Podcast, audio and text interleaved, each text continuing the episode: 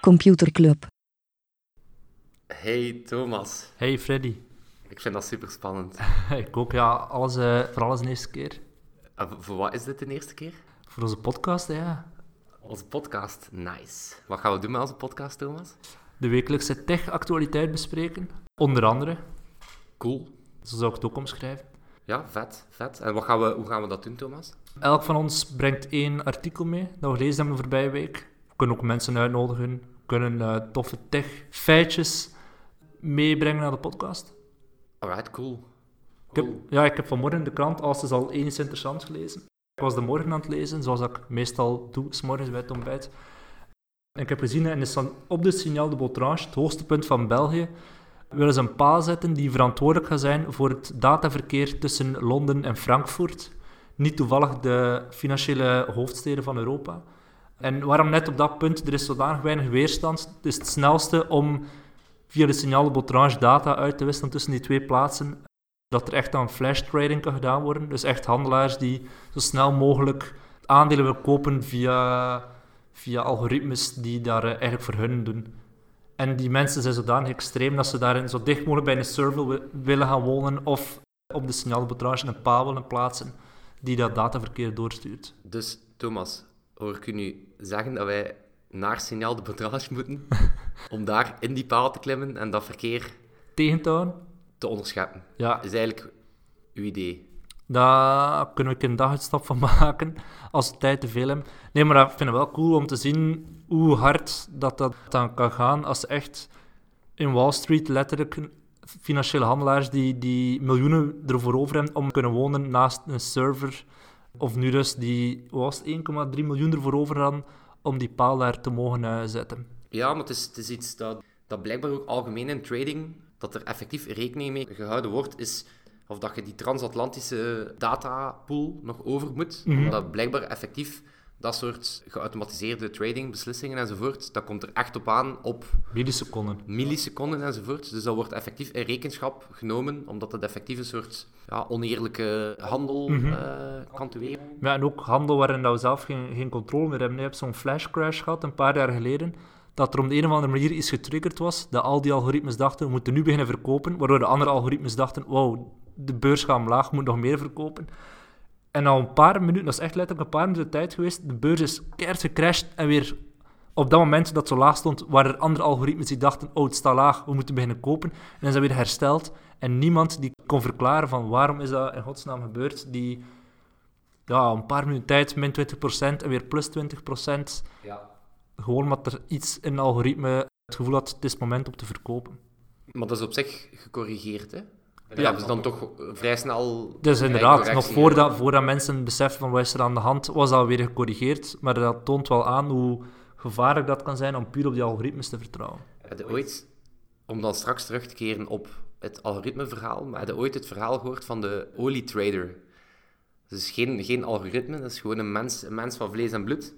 En die werkte voor, eh, ik denk, een van de grootste eh, oil trading companies. Dus enorme, enorme impact op de, op de wereldmarkt. En die hadden een eh, teambuilding. Dus die waren de vrijdag serieus op de lappen gegaan met de traders enzovoort. Dus die mens is zat thuisgekomen, heeft zich aan zijn computer gezet en is nog wat beginnen verhandelen. En blijkbaar is een olieprijs met een derde wereldwijd gedaald. Omdat die man eigenlijk complete wakko beslissing zat te nemen. Dus effectief, standaardaags ontwaakt de markt en hij is gewoon gemerkt van shit, het is hier volledig, volledig, volledig vertekend. En dan is er ook een correctie gedaan, omdat dat effectief gewoon één mens was die eh, een glas te veel gedrukt had.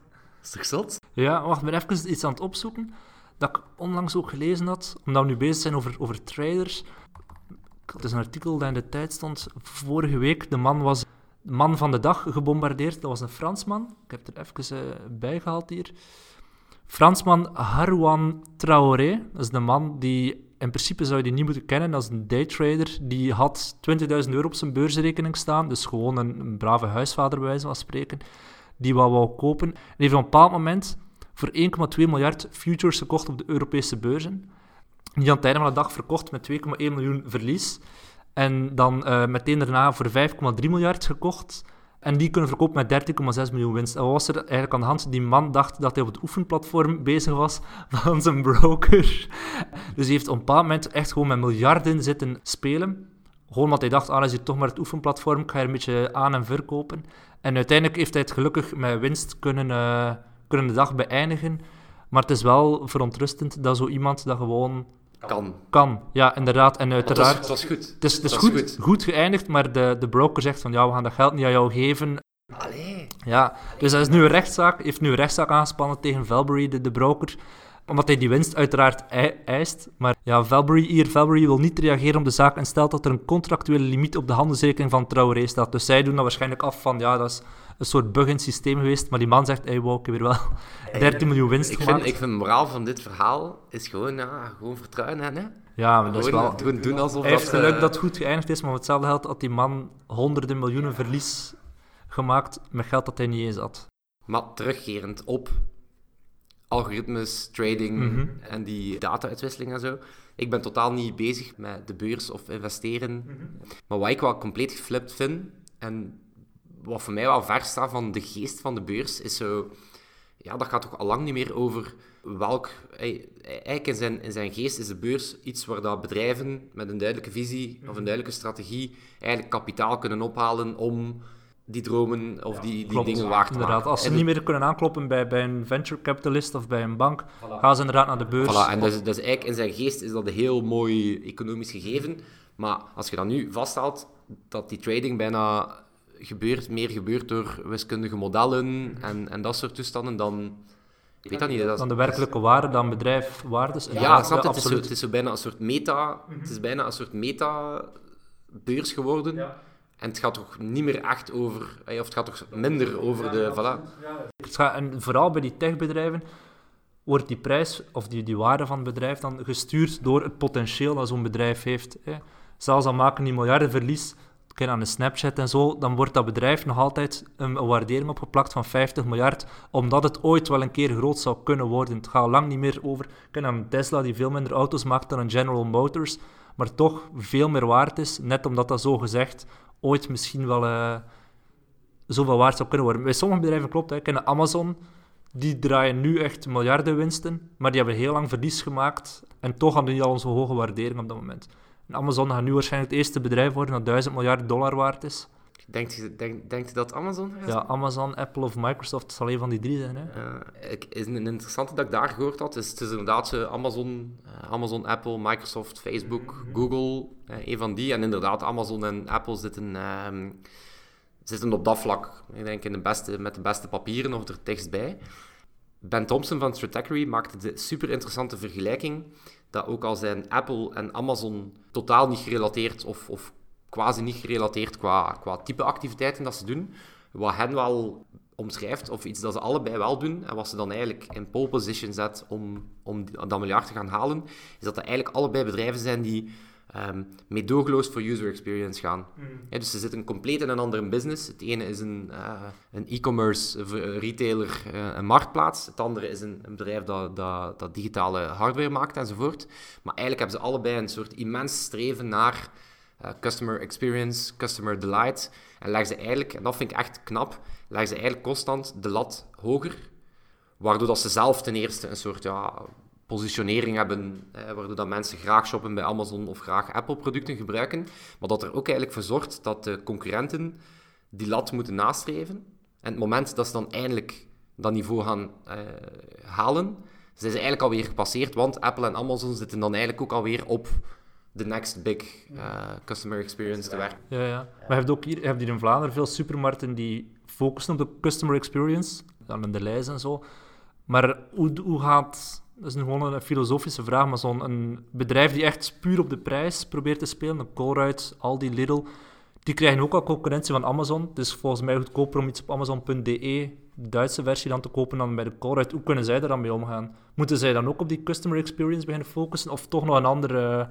Maar ik denk, ik denk wat, wat, wat fundamenteel nog ingrijpender is aan bedrijven zoals Amazon of Instacart bijvoorbeeld in de VS, is dat dat zelf niet per se gaat over dat zij dan de retailer zijn die de verkoop doet, maar dat zij eigenlijk de marktplaats zijn. Eigenlijk zijn zij de primaire bestemming het, het online kopen is in veel landen, hè, bij, ons, bij ons iets minder, hè, alhoewel dat je met bol.com eigenlijk hetzelfde merkt, is eigenlijk wordt Amazon eh, internationaal is dat bijna de Google voor als je iets online wil kopen. Ja, En dan ga je zelf die piste van hey, je moet aanwezig zijn in zoekmachines enzovoort, die wordt bijna zelf ook gedesintermedieerd, omdat je gewoon onmiddellijk naar Amazon gaat. En dat is, dat, dat is samen met die customer experience potentieel nog veel problematischer voor die retailers, omdat ze eigenlijk gewoon als pri- primaire bestemming gepasseerd worden. Instacart, ken je, waar- ken je Ja, ja. waarschijnlijk. Hè? Dus die, wat, wat heel knap is, is ehm, die, gaan zelf, die gaan zelf geen winkels runnen enzovoort, maar die gaan eigenlijk gewoon voor de delivery zorgen van, eh, ik denk, zeven van de acht grootste Amerikaanse supermarkten zitten op Instacart. Maar wat problematisch is voor die supermarkten, is dat die, eh, die klant uiteindelijk, eh, die klant gaat gevoelsmatig meer en meer denken van, ik shop via Instacart. Hè, en oké, achter de schermen gaat dat dan Sainsbury of... Walmart of Sainsbury zijn die, die, die de verkoop doet. Maar meer en meer gaat die klant gewoon denken van, ah, ik heb iets gekocht op Instacart. En het moment dat zij dan zeggen, oké, wij gaan hier eh, toch met eigen verkoop beginnen enzovoort, ja, dan, dan, dan hebben die bedrijven eigenlijk meegewerkt aan hun eigen eh, disruptie. En dat vind ik wel super krachtig aan de Amazon, aan de Amazon-model, is dat die zowel binnen een e-commerce platform, binnen een webservices, eigenlijk Amazon heeft, eh, dat noemt dat zo de first and foremost customer strategie. Ze gaan eigenlijk alles dat ze doen, of dat het dan gaat over het e-commerce platform, de webtechnologie erachter, de delivery service, Prime, gaan ze eigenlijk altijd ook openstellen naar andere partijen. Hè, vanuit het idee, we maken eigenlijk een soort schaalbare oplossing. Ze zijn voor zichzelf altijd de grootste klant. Hè, dus iedere, ieder Amazon-product heeft als eerste klant Amazon. En op die manier hebben ze meteen schaal en volume. Maar dat zorgt er eigenlijk voor dat ze in tal van andere markten ook telkens een stukje van die, van die omzet gaan afromen. Ik denk een derde van het webverkeer draait op Amazon-servers. Zo, ja, ja. Super knap in een wereld waar dat, data-uitwisseling enzovoort is eigenlijk gewoon de kern van onze economie. Is dat super slim dat die gewoon gezegd hebben van kijk, wij pakken daar, eh, Mhm. wij pakken daar iedere keer een klein, een klein centje van. Eh, hetzelfde met delivery, of dat dat dan gaat over delivery van Amazon-diensten of delivery van Amazon-shops zelf. Het moment dat zij x procent van alle eh, e-commerce delivery hebben, ja, dan... dan en dat vind ik, dat vind ik het, het megalomane van een bedrijf als Amazon. Die, die strategie is gewoon... Die zijn effectief ook in hun missie. Als je kijkt, dat gaat dan van... Hè, we willen de meest eh, customer-centric online retailer zijn voor boeken enzovoort. Dan is dat gegaan van... We willen de meest customer-centric eh, online retailer zijn.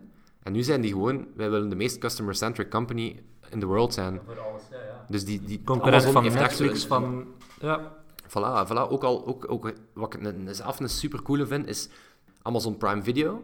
Is bijna een soort, een soort freebie om een Amazon Prime abonnement te nemen. En Amazon Prime abonnement, dat is dan, je krijgt dan die, die video, je krijgt boeken, eh, je krijgt e-bo- e-books en je krijgt gratis delivery x keer per week. maar is het in België al interessant genoeg?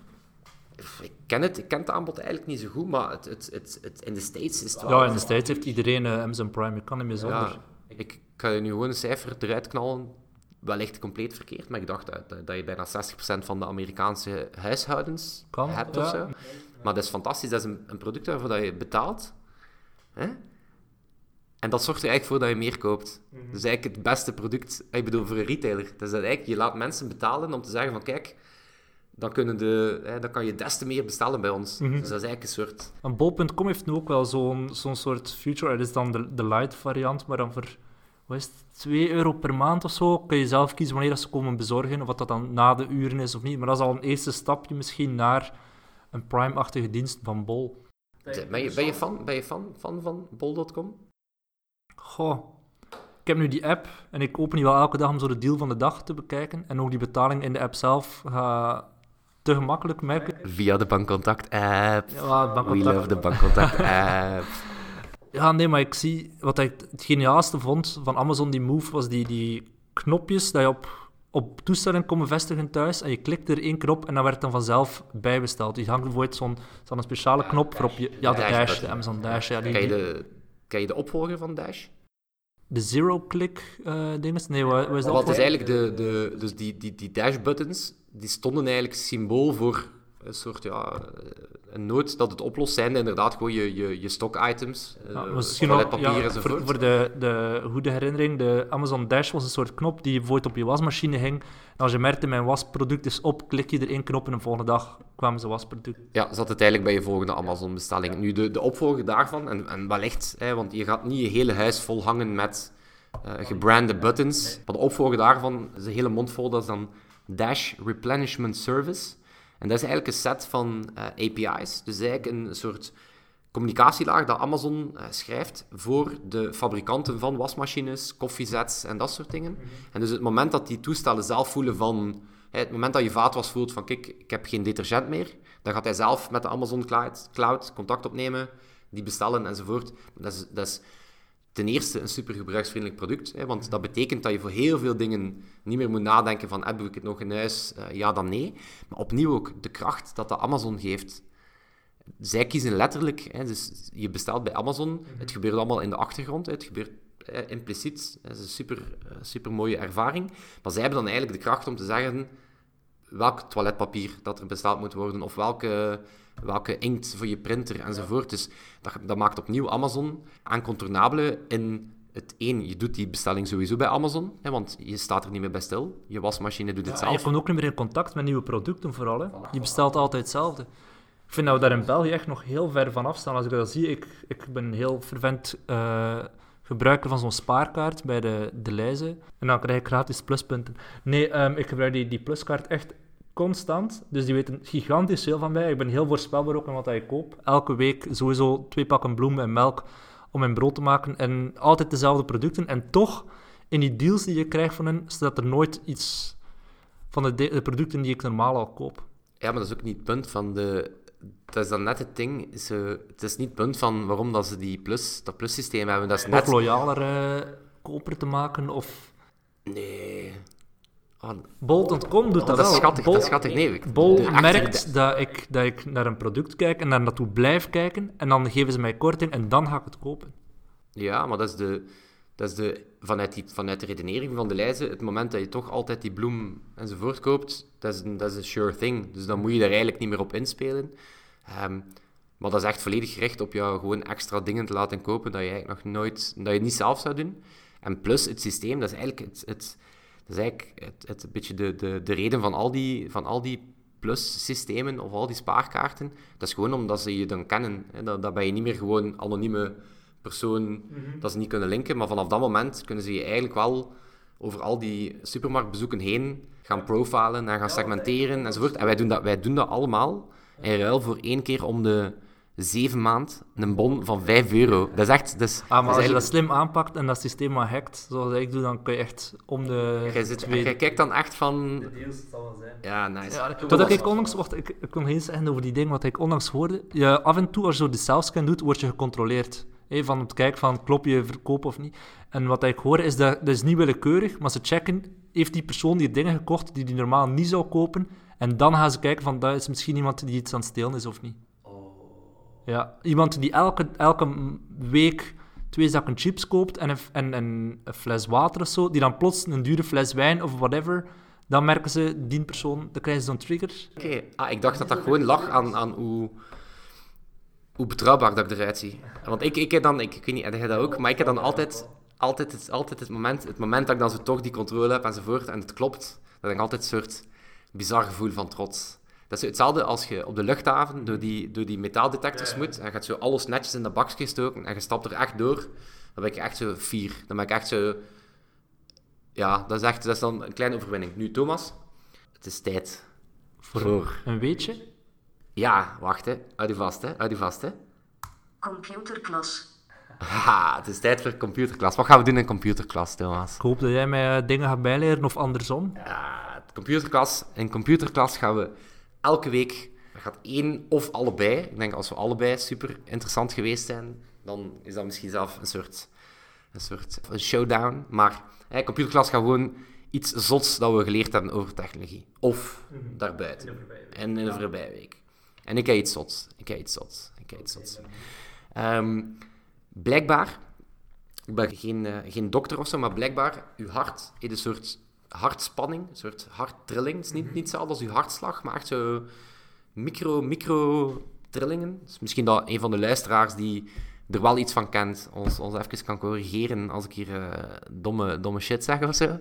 Ehm, en je hart trilt en blijkbaar die trilling is uniek voor iedereen. Dus, dus Zoals je vingerafdruk en andere nog biometrische... unieker. Nog Nog unieker, unieker, oké. nog unieker. En blijkbaar kan je tegenwoordig met de, de gyroscopen en de sensoren in een smartphone, hè, die zijn zo precies, dat die eigenlijk die trilling kunnen identificeren. En dat zou potentieel de beste of, of een, een nog, nog betere manier kunnen zijn om eigenlijk aan authenticatie te doen op je smartphone. Dus eigenlijk nog beter dan, eh, dan je duim, of nog beter zelf dan Face ID. Eigenlijk gewoon puur hoe dat je de telefoon vasthoudt en de, en de, de trilling dat je zelf niet voelt, dat wordt dan eigenlijk je, je nieuwe paswoord. Dat zit in de iPhone eh, 11 dan. Of in een andere Ja, nieuwe eigenlijk, telefoon. wa- welke, welke nummer gaan ze... Wordt dat dan de iPhone 9 of de iPhone eh, Ah, Windows, XP? 9, Windows 9 en zo Ik overgeslaan. hoop de iPhone XP, dat zou echt geniaal zijn. Of de iPhone Vista. Oeh, de iPhone Vista. Echt, dat zou een test zijn om te zien hoe populair dat Apple is. Als er zo een, een lelijke... Als er echt zo... Vista was echt gewoon... Apple hated by many. Als ze dat kunnen, erop, erop plakken en nog altijd recordverkopen doen, dan is het letterlijk de coolste brand in the world of zo. Weet je trouwens de reden dat ze Windows 9 overgeslaan hebben?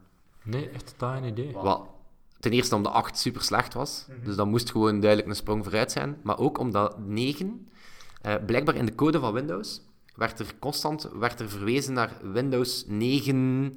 En dat, bedoel, waar- dat werd dan eigenlijk verwezen naar Windows 9 als Windows 95, 98 enzovoort. Dus moesten ze plotseling echt een Windows 9 hebben, dan, ja, dan gingen al die programma's denken dat ze compatibel zijn met... eh, dat ging blijkbaar een soort ja, nachtmerrie zijn voor... Omdat ze eigenlijk nooit gedacht hadden dat er... Dotcom, eh, bev- hoe was dan weer de, in de jaren 2000? Ja, dat was de, de, de, millen- de millennium bug. Ja, Dat was dat er, dat er... Hoe visionair dat de bedenkers van computers ook waren, niemand had erbij stilgestaan dat we ooit het jaar 2000. 2000 zouden gingen halen. Dat was een... hè, dus Alan Turing en al zijn maten visionair, maar het idee dat, eh, dat het nog 50 jaar ging meegaan, dat, eh, dat is te ver. Oké. Wat vonden ze van het weetje, Thomas? Ik vond het fantastisch, denk dat ik er niet meer over kan. Nice. Ik heb, nog een, ik heb ook een artikel, een artikel mee. Ik ga, dat, ik ga dat kort uit, want kan er niet superveel over zeggen, want het is nog heel vers van de pers. Maar wat zit er op de volgende SpaceX-expeditie naar het International Space System? Oh, shit, ik heb dat gelezen, maar ben het vergeten. Vertel maar. Een Pixar-robot. Nee, het is geen Pixar-robot, maar wel een AI-robot. Met effectief, het is blijkbaar een soort eh, bolletje, een wit bolletje, en het vliegt rond. Dus het zit met propulsors, dus het kan eigenlijk perfect rondvliegen. En er staat een super amabel LED, op. En wat ik super cool vind daaraan is, het gaat enkel mee, dus het, het kan op dit moment nog niks. Maar het gaat enkel mee om te kijken.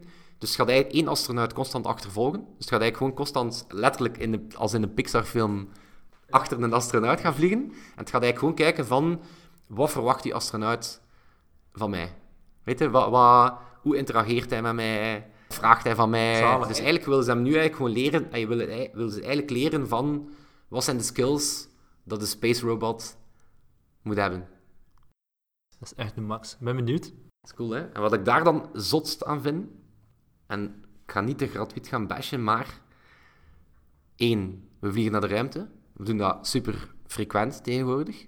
We hebben robots die hè, onze, onze sidekicks gaan worden op onze vlucht naar de ruimte.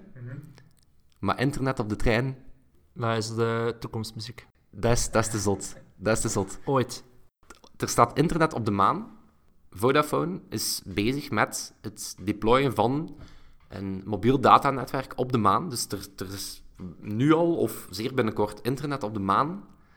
Maar tussen Gent en Brussel op de trein. De achterkant van de maan. Daar ligt Gent en Brussel. Ja, voilà. voilà. Alright, Thomas. Yes. is cool, hè? Dus eh, de max. Ben benieuwd naar meer. Ja, wel. Ik stel voor dat we het hierbij laten. Hè. Kwestie, dat we niet, eh, kwestie dat we mensen niet te lang vervelen met ons stemgeluid dat al dan niet goed gaat uitdraaien. Want we zijn eigenlijk maar twee, ja, twee amateurs eigenlijk. Maar wat is het goede nieuws, Thomas? Er komt nog een tweede aflevering. Ah nee, ik ging zeggen van in principe hebben we nog geen luisteraars. Dus het maakt eigenlijk niet uit. Shout-out naar eh, iedereen die niet bestaat. Bedankt om te Ja, luisteren. shout-out naar al onze, al onze niet bestaande fans. Was super cool. Ik ga gewoon nog één keer om het af te leren. Hè, onze super coole jingle. eh, afspelen. Eh, hoge productiewaarde. Dit is zeker niet gewoon eh, de Siri-stem in mijn Mac, maar eh, voilà. Een echte vrouw die hier staat. Ja. Eindigen op een bang. Libelia de Splinter, want dat is eigenlijk de, dat is, dat is eigenlijk de, Vlaamse vrouw, Siri. die, de, de Vlaamse Siri is. Libelia, die dat in de tijd voor Lennon Houseby. ingesproken had, is nog steeds, nog steeds de stem. Libelia, voorziet ons even van de outro. Computerclub.